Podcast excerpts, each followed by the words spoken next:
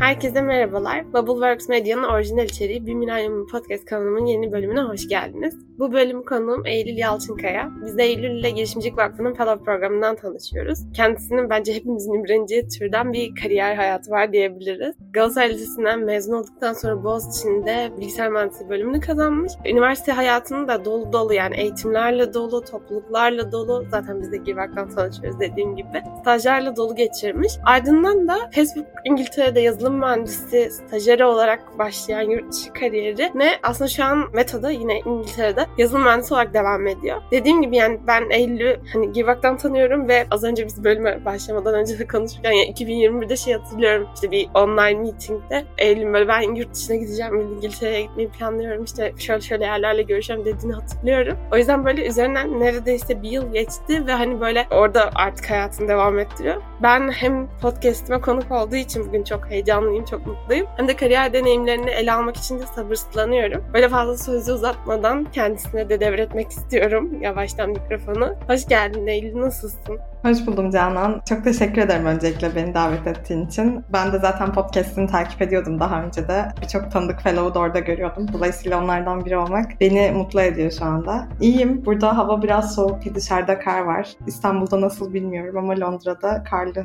Burada daha henüz kar gelmedi. Umarım gelir. Ben küçüklüğümden beri şeyim bu arada. Her günlük tuttuğum zamanlar için bugün de kar yağmadı. Bugün de kar yağmadı diye ağlayan çocuğum.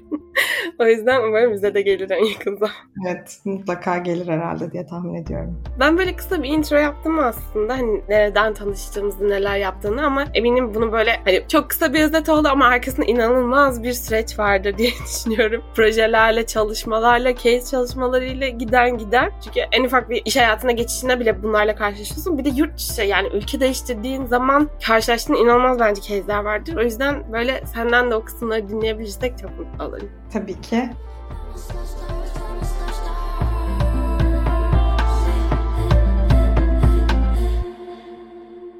O zaman kendimle ilgili ben de bir özet geçeyim. Arada sorun olursa sen de lütfen beni bölebilirsin. İsmim Eylül, 24 yaşındayım. İstanbulluyum, İstanbul'da büyüdüm. Liseyi Galatasaray Lisesi'nde okudum. Zaten Can'dan bahsetmişti. Yatılı olarak okudum aslında yani İstanbullu olmama rağmen Beylikdüzü'nde yaşadığım için yatılı olarak okudum. Ve lisede de aslında böyle birçok toplulukta aktiftim. Orada da bir sürü liselere yönelik girişimcilik topluluklarında yer aldım. Aynı zamanda Avrupa Gençlik Parlamentosu'na yer aldım. Bu böyle politik konuların konuşulduğu uluslararası bir topluluktu. Bunların ikisi de bana aslında ilerisi için nasıl bir şeyler istediğimle ilgili çok fazla fikir verdi diyebilirim. Daha sonra üniversitede Boğaziçi'nde bilgisayar mühendisliğini kazandım. Buraya girdiğimde de tabii ki daha farklı bir süreç başladı. Biraz daha kariyere yönelik. Boğaziçi'nde de bahsedebileceğim herhalde en önemli iki topluluk tabii ki Girişimcilik Vakfı ve İnziva diyebilirim. İnziva'yı belki bilenler vardır böyle dinleyenlerden. O da şu sıralar Türkiye'deki sayılı yazılım alanındaki topluluklardan biri ve gerçekten çok güzel işler yapıyorlar. Ben de İnziva'da iki yıl boyunca yapay zeka ile ilgili çeşitli programlara katıldım ve orada daha işte teknoloji ve kendi alanıma yönelik projeler yaptım. Girişimcilik Vakfı ise tabii ki zaten benim liseden beri bildiğim bir topluluktu. Hep üniversitede böyle bir parçası olmayı istiyordum. Ne yazık ki bizim dönemimiz biraz Covid'e denk geldi. Dolayısıyla aslında ben çok az yüz yüze etkinliğe katılabildim. Ama yine de çok keyifli bir iki seneydi. Gerçekten ilham dolu ve böyle bir sürü insana hikayeyi öğrendiğimiz. Dolayısıyla onun da benim kalbimde yeri büyüktür tabii ki. Ondan sonra aslında kariyer konusunda anlatacak olursam staj deneyimlerimi İkinci sınıfın sonunda Anadolu Sigorta'da bir part-time çalışma staj karışımı bir şey yaptım. Orada Anadolu Sigorta'nın bir daha yeni girişimlere, daha yeni projelere yönelik bir ofisi vardı. Orada çalıştım. Daha sonra aslında Facebook'la tanışmam da birçok bilgisayar mühendisliği öğrencisinin olduğu gibi böyle sonsuz başvurular ardından gerçekleşti. Yani bilgisayar mühendisliği öğrencileri genelde bu büyük teknoloji şirketlerine sonsuz başvuruyorlar ve böyle birilerinin geri dönmesini bekler ki Türkiye'den geri dönüş almak da biraz zor oluyor tahmin edebilirsiniz ki. Ama uzun uzun başvuruların sonunda Facebook'tan ilk staj teklifimi aldım. O zaman 3. sınıfın sonunda gidecektim ama Covid olduğu için iptal oldu ve seneye erteledik. Hatta ben bir dönem okulumu da uzattım. Dolayısıyla 4. sınıfın sonunda staja gittim. Stajın sonunda oradan iş teklifi aldım. Döndüm. Okulumu bitirdim bir dönemde ve daha sonra da Londra'ya taşındım Mayıs ayında. Şimdi Mayıs ayından beri evet Londra'da Meta'da şu anki adıyla bilgisayar mühendisi olarak çalışıyorum. Böyle bir özet geçmiş olayım. Harika. Dediğim gibi böyle ben zaten hani bildiğim için de beni çok heyecanlandırıyor hani böyle dinlemesi ama bir de sen bunu anlatınca daha da böyle şey oldum. Gurur oldum. Şey konusunda da bu arada ben senin stajdan sonra buraya gelip sonra oraya geri gittiğini bilmiyordum. Şey zannettim gittim ve oradasın.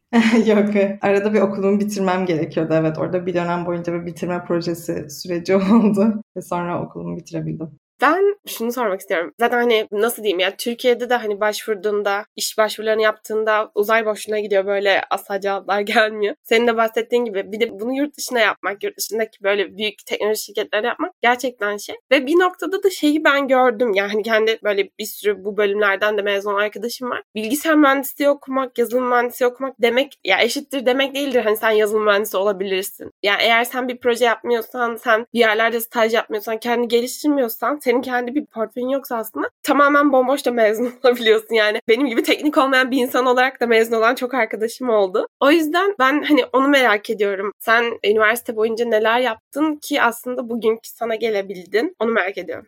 Ya aslında benim bilgisayar mühendisliğiken böyle hani bilgisayar mühendisliği hayaliyle geldim ve işte çok severek okudum bitirdim değil. Yani ben bilgisayar mühendisliğini biraz daha imkanların çok olduğu için seçtiğim bir bölümdü. Yani ben endüstri mühendisliği ve bilgisayar mühendisliği arasında kalmıştım bilgisayar mühendisliğinin yurt dışında tam olarak iş bulma imkanı daha fazla olduğu için seçtim. O konuda kesinlikle doğru bir seçim olduğunu düşünüyorum yani. Gerçekten yurt dışında iş bulabilmek konusunda hatta genel olarak iş bulabilmek konusunda bilgisayar mühendisliğinin şeyi çok fazla ama okurken özellikle ikinci sınıfta hatırlıyorum yani bu bölüm asla okunamaz lanet olsun neden girdim diye çok fazla depresyona girdiğim zamanları hatırlıyorum. Zor çünkü gerçekten zor bir bölümdü ve tam olarak sevdiğimden de emin değildim yani. O kadar teknik olmayı. Ben böyle bir biraz daha proje yönetimi, ürün yönetimi bunlara da kayıyorum çünkü. Aslında hala kayıyorum ama böyle biraz daha dengeyi yakalayabildim gibi geliyor şey olarak. Şimdi tabii ki bilgisayar mühendisiyim ve ana işim kod yazmak. Ama biraz daha böyle ürün taraflarında çalışarak işte bu proje yönetimi vesaire bunları deneyimleyerek biraz daha sevdiğim bir tarafını bulabildim gibi geliyor. Bunun dışında evet kesinlikle şey çok önemli yani. Okurken bir yandan projeler yapmak, ekstra şeyler yapmak önemli. Özellikle okurken bile hani sanki zaten zor okuyoruz ne ara başka şeylere vakit ayıracağız gibi bir düşünce de olabiliyor. Ama biraz daha tabii ki işte sevdiğiniz toplulukları bulmak bence bunda çok yardımcı oluyor yani. Mesela inzivayı bulmak benim için teknik açıdan hem çok gelişmemi sağladı hem CV'me yazabileceğim ekstra bir şeylerin olmasını sağladı. Hem de gerçekten böyle sevdiğim bir topluluk olduğu için severek gidiyordum ve bana böyle ekstra yük gibi gelmiyordu. Ve tabii ki bilgisayar mühendisi olunca şimdi mesela yani ben girişimcilik vakfına CV'me yazsam da aslında onu o kadar çok da umursamıyorlar. Çünkü senin hani daha çok kodlama bilgine bakıyorlar. Daha çok teknik bilgine bakıyorlar. Dolayısıyla kesinlikle ekstra kodlama projeleri yapmak bence önemli oluyor burada. Onun dışında bence en önemli şey bıkmamak ve başvurmak. Yani ben mesela kendi bölümümdeki arkadaşlarımda bile şeyi çok görüyordum. Bize zaten dönmezler deyip başvurmamak. Bu kesinlikle doğru yol değil. Şansınızın çok az olduğunu düşünseniz de başvurmanız lazım ve başvuran ve kazanan insanlarla görüşmeniz lazım. Bence benim en çok işime yarayan şey kesinlikle buydu. Ben daha böyle birinci sınıftan itibaren bölümde Google'da staj yapan, Facebook'ta staj yapan üst dönemlerle böyle işte kahve içmeye davet edip onlardan aslında hikayelerini dinlemiştim yani. Siz nasıl yaptınız? Buralara nasıl girdiniz? Bu bana böyle daha ileride de kendim başvururken hem onlardan referans almamı sağladı ki bu referans süreci çok çok önemli oluyor büyük teknoloji şirketlerinde. Yani en azından CV'nizin kesinlikle okunacağını garantileyebiliyor. Her ne kadar mülakatlara geçeceğinize herhangi bir garanti vermese de CV okuma aşamasında size önemli bir avantaj sağlıyor. Dolayısıyla bence en önemli iki şey araştırmak yani işte insanlardan duymak, YouTube'dan bulmak, bloglardan bulmak ve başvurmak. Yani ondan da bıkmamak gerekiyor böyle. Ben cidden o stajı alabilene kadar kaç tane mülakat yapmışımdır yani. Ve başta birçoğundan başarısız sonuç aldım ama en sonunda oldu. Ve bu şekilde bunu arkadaşlarımda da görüyorum. İş bulma süreçlerinde özellikle. Başta çok fazla red gelse de eğer devam ederseniz ve bırakmazsanız en de sonunda bir evete ulaşıyorsunuz. Zaten o bir evet her şeyi değiştiriyor. O kadar güzel özetledin ki şey böyle kendime de bir yandan bazı hatırlatıcı notlar alıyorum ben. Çünkü bir noktada hani her ne kadar bu işte okuduğumuz bölümlerden aldığımız bazı dersler ya da işte eğitim programı biraz böyle bizi ne bileyim mesleki hayat hazırlayabiliyor olsa da tırnak içinde bazı bölümler için bazı bölümler yok. Mesela geçen podcast kaydı almıştım. Bir de product tarafında çalışan bir arkadaşım vardı. E, onun tabii ki de şeyi yok yani hani bir bölümü okuyup bundan çıkıp bunu olacaksın ya da hani şu an böyle çok hype alan işte growth tarafında çalışmanın tabii ki de bir günün sonunda bölümü yok ama orada şeyin altını çizdiğin ya çok kıymetliydi işte. Daha önce orada çalışmış hem denemiş başvuru sürecini yılmamış denemiş hem de kabul almış kişilerle görüşmek, o networkleri kurmak ve ama ya bunu böyle şey olarak değil yani bana bugün işte fayda sağlayacak, bana bugün referans olacak diye değil. Gerçekten uzun süreli, organik bir hani network kurmak hem şeyler almak, onlara bir şey vermek. Günün sonunda işte artık yolculuğun bir noktasına geldiğinde de o samimiyeti kullanabilmek, o işte organik network'ü şey yapabilmek, o sürece yedirebilmek bir noktada. O yüzden bu böyle hani kendime de yapmaya çalıştığım bir şey. Yeni bir şey denemek istediğimde, yeni bir alana geçmek istediğimde. Bence senin de bunun altını çizmen çok böyle kıymetli dediğim gibi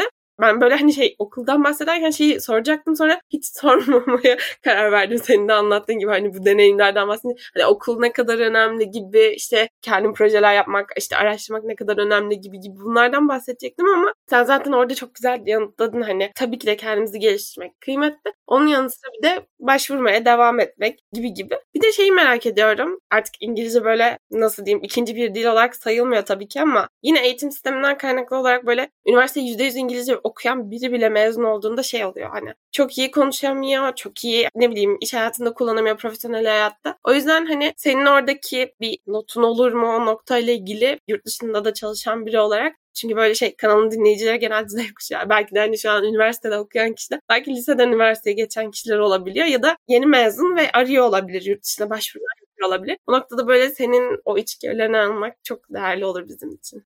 Yani bence yabancı dille ilgili söyleyebilecek en önemli şey yani utanmamamız gerekiyor. Biz bunu zaten herkes söylüyor bizim Türk milleti hakkında. Bunu biz yapıyoruz bir de Fransızlar yapıyor. Böyle bu iki millet olarak İngilizce konuşmak konusunda çok korkuyoruz. Ama aslında böyle yurt dışına çıktığınızda da görüyorsunuz ki yani insanların hiçbiri harika bir gramerle konuşmuyor ve herkes de çok yanlış da konuşuyor yani. Ve buna rağmen menajerler, şeyler yani kimse bunu garipsemiyor da çünkü herkes İngilizcenin çoğu insanın ana dili olmadığının farkında ve buna bir şekilde uyum sağlıyorlar. Dolayısıyla bence tabii ki siz bir kere kendiniz deneyimleyince aslında rahatlayacaksınız yani belki böyle bir uluslararası ortamda olmayı. Bir de dediğim gibi yani olabildiğince kendinizi bu ortamlara entegre ederek yani belki işte ben mesela lisede işte Avrupa Gençlik Parlamentosu'na katılmıştım. Orada mesela İngilizcem çok iyi olmamasına rağmen bir sürü Avrupa'dan yabancı gençle İngilizce iletişim kurmuştum. Yani o dediğim gibi böyle tamamen konfor alanınızın dışına çıkmanız gerekiyor ki aslında çıktığınızda çok da sıkıntı olmadığını göresiniz. Bu yine hani başvurmaktan korkmak gibi çıkarsam ne olurdan korkmakla bence biraz alakalı. Dolayısıyla ben yabancı dil için en önemli şeyin böyle o soğuk suya cüp diye atlamak olduğunu düşünüyorum. O zaman insan cidden görüyor. Hani gerçekten konuşamadığım için mi yoksa benim kendi korkularım mı bana engel oluyormuş? Bence biraz onu yaşayarak deneyimlemek lazım. Yani hem biraz maruz bırakmak hem biraz konfor alanının dışına çıkmak gerçekten bu noktada kilit yapabileceğimiz şeyler. Yapacağız. Öyle değil.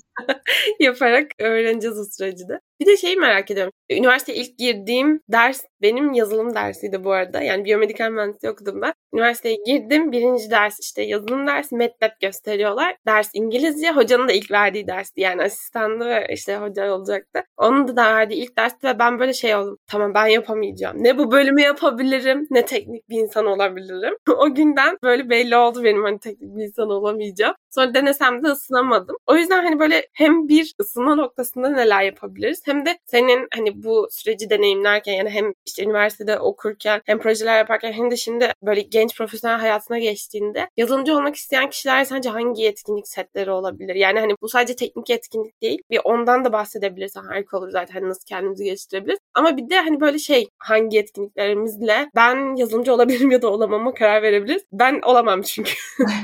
Bence kesinlikle öyle düşünme. Çünkü yazılımcılar da aslında productçılar gibi her türlü arka plandan gelebiliyor. Dolayısıyla kesinlikle öyle düşünme bence. Çünkü artık herkes şey fikrine de çok alıştı. Yani yazılımcı bilgisayar mühendisliğinden mezun olmak zorunda değil. İşte bir bootcamp'e katılmış olabilir, kurs almış olabilir vesaire. Bu, bu kavrama da bence insanlar artık oldukça alıştı. Soft skill olarak yani bence teknolojiden ve işte böyle yazılımdan korkmamanın en önemli parçalarından biri aslında bunu biraz daha böyle yani puzzle gibi görmek. Çözmeye çalıştığım bir problem var. Yani aslında herkes kariyerinde bir problemi çözmeye çalışıyor. Yani growth'lar nasıl büyürüz problemini çözmeye çalışıyor. Bilgisayarcılar da aslında bunu nasıl yazarız ve çalıştırırız problemi çözmeye çalışıyor. Bence o açıdan bakınca yani çözülecek bir problem olarak bakınca ve böyle o mindset'i geliştirince her şeyin biraz daha korkusu ortadan kalkıyor. Çünkü aslında onların hepsi özünde aynı çalışıyor. Özellikle mühendislik okuyanlar için zaten hep hani bir problem çözme üzerinden gidiyor bütün şey. İşte strateji geliştirme, algoritma geliştirme. Aslında bunların hepsi birbirine benzer şeyler. Dolayısıyla bence en önemli soft skill biraz daha dünyaya o şekilde bakabilmek. Yani burada bir problem var, bunu nasıl çözeriz? Dolayısıyla mesela yazılım öğrenmek istiyorum. Bu problemi nasıl çözerim? O da bir bakış açısı. Onun dışındaki soft skill'ler bence tabii ki yani iletişim de çok önemli oluyor. Belki hani bilgisayar mühendisliğinde bunu çok önemli görmüyor olabilir insanlar ama aslında bir takımla çalışıyorsun ve çok fazla koordine çalışmak zorundasın. Büyük şeyleri tek başına yazamıyorsun. Dolayısıyla her türlü birlikte projeyi yönetiyorsun. Zor durumlarda birbirine yardımcı oluyorsun. Dolayısıyla orada iletişim de bence seni kesinlikle ileri götüren bir şey oluyor. Bunun dışında düşünüyorum. Yani yani yazılımcılıkta böyle aslında her şey gibi bir şey. Sadece çok teknik olduğu için insanları korkutuyor. Ama dediğim gibi bence bir başlama noktası bulmak lazım. Yani bu şey de olabilir. Hani ben şöyle bir site yazmak istiyorum. Bunun için nereden başlarım da olabilir. Ya da illa yazılımcı olmak zorunda değilsiniz ama teknolojide işte designer olmak için kurslar alabilirsiniz. Yani aslında seçenek çok fazla. Özellikle bence teknoloji alanlarında çalışmak için sadece yazılımcı olmanıza hiç gerek yok. Çok güzel design, user experience alanında çok güzel görevler de var. Bence onlar onlar da çok değerli bakmak için. Hem iş imkanları açısından yüksekler. Dolayısıyla onları bence kesinlikle düşünebilirsiniz hard skill olarak da yani aslında tabii ki her yazılımcının bilgisi farklı. Ben mesela şu an çok nasıl desem genel bir yazılımcıyım. Yani bana şu an ne verseniz öğrenip yazmaya çalışırım. Ama belki bir noktada özelleşirim bir şey konusunda. Şu an henüz değilim. O aşamada değilim. Ama çoğu yazılımcı da mesela işte web odaklı çalışabiliyor. Mobil odaklı çalışabiliyor vesaire. Dolayısıyla öyle bir şeyden de başlayabilirsiniz. Ama şeyi unutmayın yani. Aslında yazılımın bir kere mantığını öğrendiğinizde onu her şeye uygulayabilirsiniz yazılımdaki diğer alanlara. Yani mobildeki mantık webden tamamen farklı değil. Dolayısıyla böyle bir yerden başlamak böyle ama aslında işin özünü öğrenmek sizi daha sonra herhangi bir yazılım alanındaki bir şeyde ileriye taşıyacaktır. Bence ona odaklanmak daha önemli. Yani o felsefeyi öğrenmek gerekiyor bence. Çok güzel özetledin. Ben tabii teknik bir kısmı bile anlamadım. Geriye kalan hiçbir kısmını onu uygulayamayacağım. İletişimden de bahsettim bu arada. O da evet gerçekten çok kıymetli. Şimdi çalıştığım yerde düşünüyorum. Yazılımcılarla bazen beraber çalışmamız gereken durumlar oluyor. Ve onlar bence teknik tarafta çalışanlar işi %50 ile yapıyorlar. %50 zaten hani kendi işini yapma kısmı var. %50 karşıdakini anlama ve ona anlatma. hani bunun nasıl olacağını. O yüzden gerçekten tekrar tekrar saygı duyuyorum. Şimdi senin mezun olmaya yakın olduğun dönem de tam şey aslında hani okulun ikinci ya da üçüncü sınıfında pandemi başladı diye düşünüyorum. Sonra da zaten mezun olduğunda artık pandemi sonrası dönem dediğimiz şey. O yüzden hani öncesini çok hani bilemiyorum yani şey bu soruyu şöyle sormak istedim aslında. Pandemi döneminde burada çalışmanın avantajı dezavantajı senin için nedir gibi aslında sormak istiyordum ama o döneme denk geldi mezuniyetin. O yüzden belki çok ekstra bir farklılık olmayabilir. Ama yine de hani senin bu konuda böyle düşüncelerin işte kendine artı ya da eksi düşündüğün şeyler neler olabilir? Onu da duymayı çok isterim. Pandemi evet pandemi zordu biraz çünkü işte stajım iptal oldu vesaire. O yaz hatta direkt staj yapmadım mesela ben çünkü zaten her şey iptal oluyordu vesaire. Bence pandemide pandemi sonrasında olmanın şu an bir dezavantajı bu global resesyon. Benim gördüğüm kadarıyla zaten bütün büyük teknoloji şirketleri en azından iş alımları durdurdu hatta işten çıkarmalar da oldu. Neyse ki bana denk gelmedi. Ben de bayağı korktum denk gelir diye ama işten çıkarmalar da olduğu için şu an bence özellikle benim alanım için biraz daha zor bir dönem bizi bekliyor gibi duruyor. Hatta muhtemelen diğer alanlar için de çünkü genel bir resesyon var. Dolayısıyla bence en böyle can alıcı noktalardan biri bu şu an. Biraz da üzücü. Ama yine de bir yandan da her kriz bir fırsattır diyerek bunu da bir fırsata dönüştürmek mümkündür diye umuyorum. Avantajlarından biri bence kesinlikle hibrit çalışma. Buna bayılıyorum. Yani şu anda da ben işte haftada 2-3 gün evden, 2-3 gün ofisten çalışıyorum ve yani benim asla vazgeçmek istemediğim avantajlardan biri bu. Özellikle annemlerle konuşurken de ben sürekli söylüyorum yani siz 5 gün nasıl ofise gidiyordunuz? Ben şu an asla gidemem gibi geliyor. Yani mental sağlık buna el vermez gibi geliyor. Tabii ki haftada iki gün işe gitmeyi seviyorum. Yani ofiste olmayı da seviyorum. Ama kesinlikle beş gün ardarda arda ofiste olma zorunun olmaması benim işten zevk almamı en çok etkileyen şeylerden biri. Bence bizim dönemimizin en büyük şansı bu. Beş gün uzaktan çalışma iznimiz bile olabiliyor remote çalışmalarda veya direkt yurt dışına çalışabiliyorsunuz. Mesela Türkiye'de artık bunu yapmaya başlayanlar çok var. Bir sürü yeni çalışma modelleri gelişiyor böyle freelance, gig bazlı çalışma vesaire gibi. Bence o açıdan çok şanslıyız. Yani biz klasik ofiste çalışma koşullarına sabit kalmak zorunda değiliz. Bir şirkete bağlı çalışmak zorunda değiliz. O bence bizim imkanlarımızı çok fazla açıyor ve bence kesinlikle değerlendirilmesi gereken bir şey kariyer düşünürken. Evet çok katılıyorum. Ya öyle bir noktaya gelindi ki bu arada ben hatırlıyorum böyle mezun olacağım zaman iş görüşmeleri yaparken şey hatırlıyorum. İşte ofise gelmek ister misiniz sorularını hatırlıyorum. Çok hızlı adapte olmak zorunda kaldı şirketler ona. Yani çünkü genç nesil gerçekten bunu hani böyle çok şey yaptı. İşte o zamanlarda mezun olup iş hayatına başlayan hani gençler gerçekten çok onun içine doğdu, onun içine girdi ve öyle devam etmek istiyor gibi noktada. Ama inanılmaz büyük bir avantaj dediğin gibi kesinlikle. Çünkü yolda kaybedilen zaman verimliliği öldürüyor. Bir de şeyi merak ediyorum. Şimdi mezun olunan dönemle ilgili avantaj dezavantajı konuştuk. Bir de bir genç olarak aslında burada çalışmaya bakış açını merak ediyorum. Hani genç bir profesyonel olarak yazılmanda çalışmak nasıl bir şey? Bir onu merak ediyorum. Onunla ilgili düşüncelerini almak istiyorum. Bir de hem tabii geleceğe yön veren bir şirkette olduğun için yani şimdi Brentwick'te kimse şey diyemez. Meta sahnesine gidip ilham almadık diyemez diye düşünüyorum. Herkes zaten böyle sizinki gibi teknoloji şirketlerine bakarak aslında rotasını belirlemeye çalışıyor diğer şirketlerde. O yüzden de hem bulunduğun konumun da çok büyük insight'ı vardır senin gözünde ama gelecekte nerelere gidebilir? Hani bu şey muhabbeti var ya bu aralar çok yapay zekadan şunu şunu yazdım chat GPT yani bunu yazdım şunu yazdım artık işte tez yazmaya gerek kalmadı öyle şeyler falan. Bir noktada hani şey gelecekle ilgili de insight'lerin öngörülerin neler onu da merak ediyorum. Evet kişisel olarak ben de çok düşünüyorum bunlar üzerinde. Özellikle chat GPT'den ben de bahsedecektim sen bu soruya başladığın anda. O çıkınca tabii ki biz hepimiz denemeye başladık. Yani işte bakalım aa web sitesi yazdırabiliyoruz buna, aa şu fonksiyonu yazdırabiliyoruz vesaire. Bayağı bir heyecanlandırdı bizi. Tabii ki şey olacağını düşünmüyorum yani. Bilgisayar mühendislerinin işi bitti artık chat GPT yazacak gibi bir şeyin olacağını düşünmüyorum yakın zamanda özellikle ama şeyi hayal edebiliyorum yani bir 10 yıl içerisinde biz daha çok sistemi dizayn eden insanlara dönüşeceğiz ve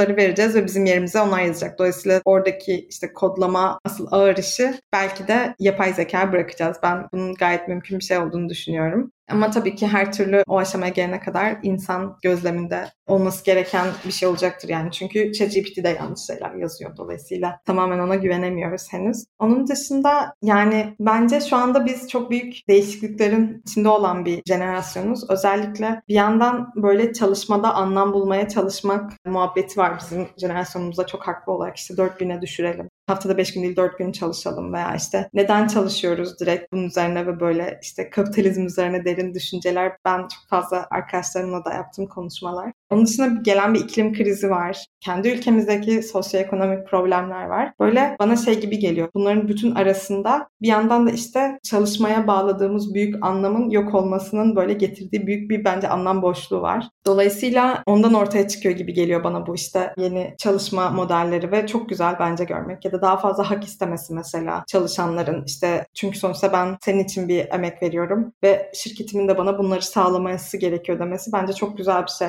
ve umarım ki daha da böyle eşitlikçi çalışanlar için daha güzel imkanlar olan dönemlere de geleceğimizi umuyorum. Ama bence önümüzdeki seneler kesinlikle bu açıdan büyük değişikliklerle geçecek. Özellikle şey çok etkiliyor mesela teknolojinin bizim adapte olabildiğimizden çok daha fazla hızlı ilerlemesi. Bunu çok etkiliyor bence. Yani işte bir bakıyoruz ChatGPT çıkmış. E şimdi hocalar tezleri nasıl kontrol edecek yani? Hocalarda öyle bir kontrol sistemi yok ki. Dolayısıyla ondan ortaya çıkan bir sürü problemler de olacak bence etik ve pratik olarak. Onlar kesinlikle etkileyecek gibi geliyor bana önümüzdeki seneleri. Yani mesela bir 5 sene önce şey vardı hani sosyal medya çok popüler oldu. Aa sosyal medyayı kötüye kullananlar var. Ona cevap mesela sonradan geldi. Hmm, o zaman işte engelleme özellikleri çıkartalım işte zorbalık yapanları tespit edelim vesaire gibi. Böyle biraz sonradan gelen yamalar biraz problemli oluyor ve asıl sorunu çözemiyor. Benim umudum böyle önümüzdeki 10 yılda biraz daha bu şeyleri önceden düşünerek ve ürettiğimiz ürünlerin kendi kimyasına katarak bu önlemleri ortaya çıkarmamız Yani bir sosyal medya yaratıyorsak onun kötüye kullanılma şeyini düşünerek ortaya çıkarmamız. Aynı şey ChatGPT gibi bir şey için de olabilir. Dolayısıyla önümüzdeki yıllarda umarım biraz daha bunlara dikkat ederek bizim jenerasyonumuz güzel işler ortaya çıkartır. O şekilde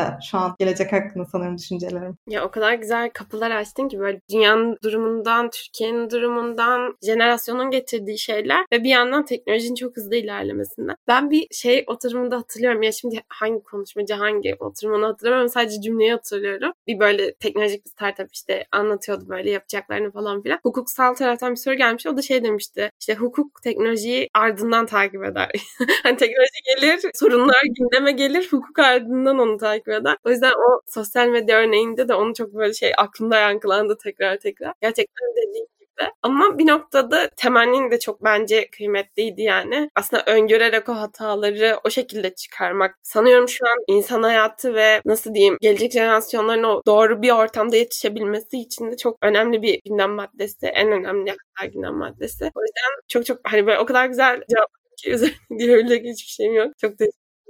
Ben böyle biraz böyle kariyerinle ilgili sorular sorduk. Seni tanıdık. Hani seninle böyle bir ketchup yapmış olmak da beni çok mutlu ediyor. Daha detaylı bir şekilde. Bir de böyle şey biraz daha eğlenceli soruları var böyle bölüm sonlarına doğru. Onları merak ediyorum bir sürü böyle topluluk işte tool işte uygulama deniyoruz aslında. O yüzden böyle senin son zamanlarda indirdiğin bir uygulama olabilir, kullandığın bir tool olabilir ya da katıldığın bir topluluk olabilir. Hani faydalı bulduğum, içinde yeni şeyler öğrendiğim dediğin şeyler varsa ve önerebilirsin ona çok sevinirim. Bu sıralar sanırım en çok kullanmaya başladığım uygulama Eventbrite. Aslında bu Türkiye'de de popüler bir uygulama. Ben o zaman çok Türkiye'deyken çok kullanmıyordum. Ama şimdi Londra'ya gelince burada çok daha fazla kullanıldığını fark ettim. Şey için çok kullanıyorum bunu özellikle. Hafta sonları ne yapacağım? Nereye gideceğimi bilemiyorum. O zaman böyle bakıyorum ve Eventbrite'da gerçekten işte en küçük bir sergi olabilir ya da ne bileyim işte böyle seramik marketi falan olabilir. Yani hani o tarz böyle bedava da olan şeyleri oraya koyuyorlar. Ve böyle aa evet buna gidip bir göre görebilirim dediğim böyle bir sürü şey bulabiliyorum hafta sonu için. Hatta bu şeyden önce İstanbul'da da baktım var mıymış diye ve baya bir böyle community meetup'lar vesaire var. Hatta bence daha çok kullanılsa daha da güzel olur. Yani insanların bence vakit geçirmek için böyle yapacak bir şeyler bulamadığında ha o zaman şuranın bir işte toplantısı varmış ona gideyim. Hem de yeni insanlar tanırım demesi bence çok güzel olur. Dolayısıyla onu söyleyebilirim şu sıralar kullandığım uygulama olarak. İkinci uygulama da Goodreads. Goodreads'i kesinlikle çok seviyorum. Kitap okumaya geri dönmek istiyorsanız böyle orada kendinize liste oluşturmak, işte bir kitap okuma hedefi koymak, işte orada insanlar hatta arkadaşlarınızla birlikte falan kitap yorumu falan yazmak bence keyifli oluyor. O ikisini tavsiye edebilirim. Çok güzel öneri. Çünkü çok şey sorusu geliyor. Aa şu etkinliği nereden duydum? Bu etkinliği nereden duydum? Çok iyi bir hatırlatıcı oldu. Yani aslında çok basit belki de kullandığımız ama sık kullanma noktasında hani kullanılan uygulamalar arasında alabileceğimiz uygulama çok güzel bir öneri oldu. Bir diğer sorum şu. Ben böyle yakın zamanda işte K-pop dinlemeye başladım ama 2022 listelerimde şey böyle. Bir baktım birinci sırada K-pop. o benim için böyle şeydi guilty pleasure'dı biraz. Hani hiç başlamam diyordum çünkü böyle çok şeydim ön yargılıydım ama sonra gerçekten aslında benimle bir noktada uyuştuğunu en azından hayatımın bu döneminde dinlemekten zevk aldığımı fark ettim. O yüzden senin böyle bir guilty pleasure'ın var mı varsa nedir onu merak ediyorum. Müzik konusunda sanırım Taylor Swift'e geri dönmem de benim guilty pleasure'ım olabilir böyle. Ben ortaokuldayken falan bayağı seviyordum Taylor Swift'i. Sonra bir uzaklaştık tabii ki bir, bir uzun bir süre birbirimizden. Ama bu sene çıkardığı işte Midnight albümüydü. Onu çok fazla kez dinledim. Aslında şarkılar hepsi birbirine benziyor ama yine de bana keyif verdi. Böyle beni ergenlik zamanlarıma döndürdü ve mutlu etti beni. Onu söyleyebilirim sanırım guilty pleasure olarak. Tekrar buluşmanıza çok sevindim barışmanıza. ben de. O zaman bir diğer sorum da buna böyle pencere de attı. Hani şey böyle Spotify'da random aldığında bazı şarkıları geçersin bazılarında ama geçmezsin ne zaman ne olursa olsun. Ya da böyle çok loop aldığında ne bileyim ben bunu bir sene daha dinlemeyeyim dersin. Ama bazı şarkılar vardır yarın da yine dinlerim dersin. Senin böyle favori bir şarkın var mı? Varsa hangisi? Favori bir şarkı söylemem zor sanırım ama bu sıralar Stromae'nin herhangi bir şarkısı karşıma çıkarsa asla atlamıyorum. Bu sıralar çok çok Stromae dinliyorum. Ve dediğim gibi hep random aldığımda da onun şarkılarında kalıyorum. Onu kesinlikle önerebilirim. Böyle onu da yeniden keşfettiğim bir süreç gibi. Stromae kesinlikle çok çok zeki bir sanatçı ve bana çok keyif veriyor dinlerken. Hatta YouTube'da Tiny Desk diye yeni bir konseri yayınlandı. Böyle 15 dakikalık çok tatlı akustik bir ortamda. Onu da izlemenizi çok tavsiye ederim. Harika. O zaman bunu da böyle açıklamalar kısmına ekliyor olurum. Ben konuk olduğun için çok teşekkür ederim. Benim sorularım genel olarak bu kadardı ama eminim dinleyenlerin daha fazla sorusu olacaktır. Seni böyle rahatsız etmek isteyeceklerdir. Ben linkini falan koyarım zaten açıklamaya. Sana ulaşabilmeleri, soru sorabilmeleri için. Eminim dediğim gibi yani yurt dışı ile ilgili, yurt dışında çalışmakla ilgili olsun, yazılım alanında çalışmakla ilgili olsun ya da böyle güzel bir şirkette çalışmakla ilgili olsun. Çok fazla zaten hani podcast'te de açıklamalarda bulundum. Ulaştıklarına da yardımcı olacağını düşünüyorum. Tekrardan tüm böyle samimi cevapların, şeffaf cevapların için çok teşekkür ederim vakit ayırdığın için de. Ben teşekkür ederim. Çok keyifliydi kesinlikle. Benim de ilk podcast deneyimim oldu. Dolayısıyla çok keyif aldım. Umarım dinleyenler için de keyifli olmuştur. O zaman ilerleyen bölümlerde görüşmek üzere. Görüşürüz. Faire au moins mille fois qu'on a bouffé nos doigts. Eh, où t'es, papa, où t'es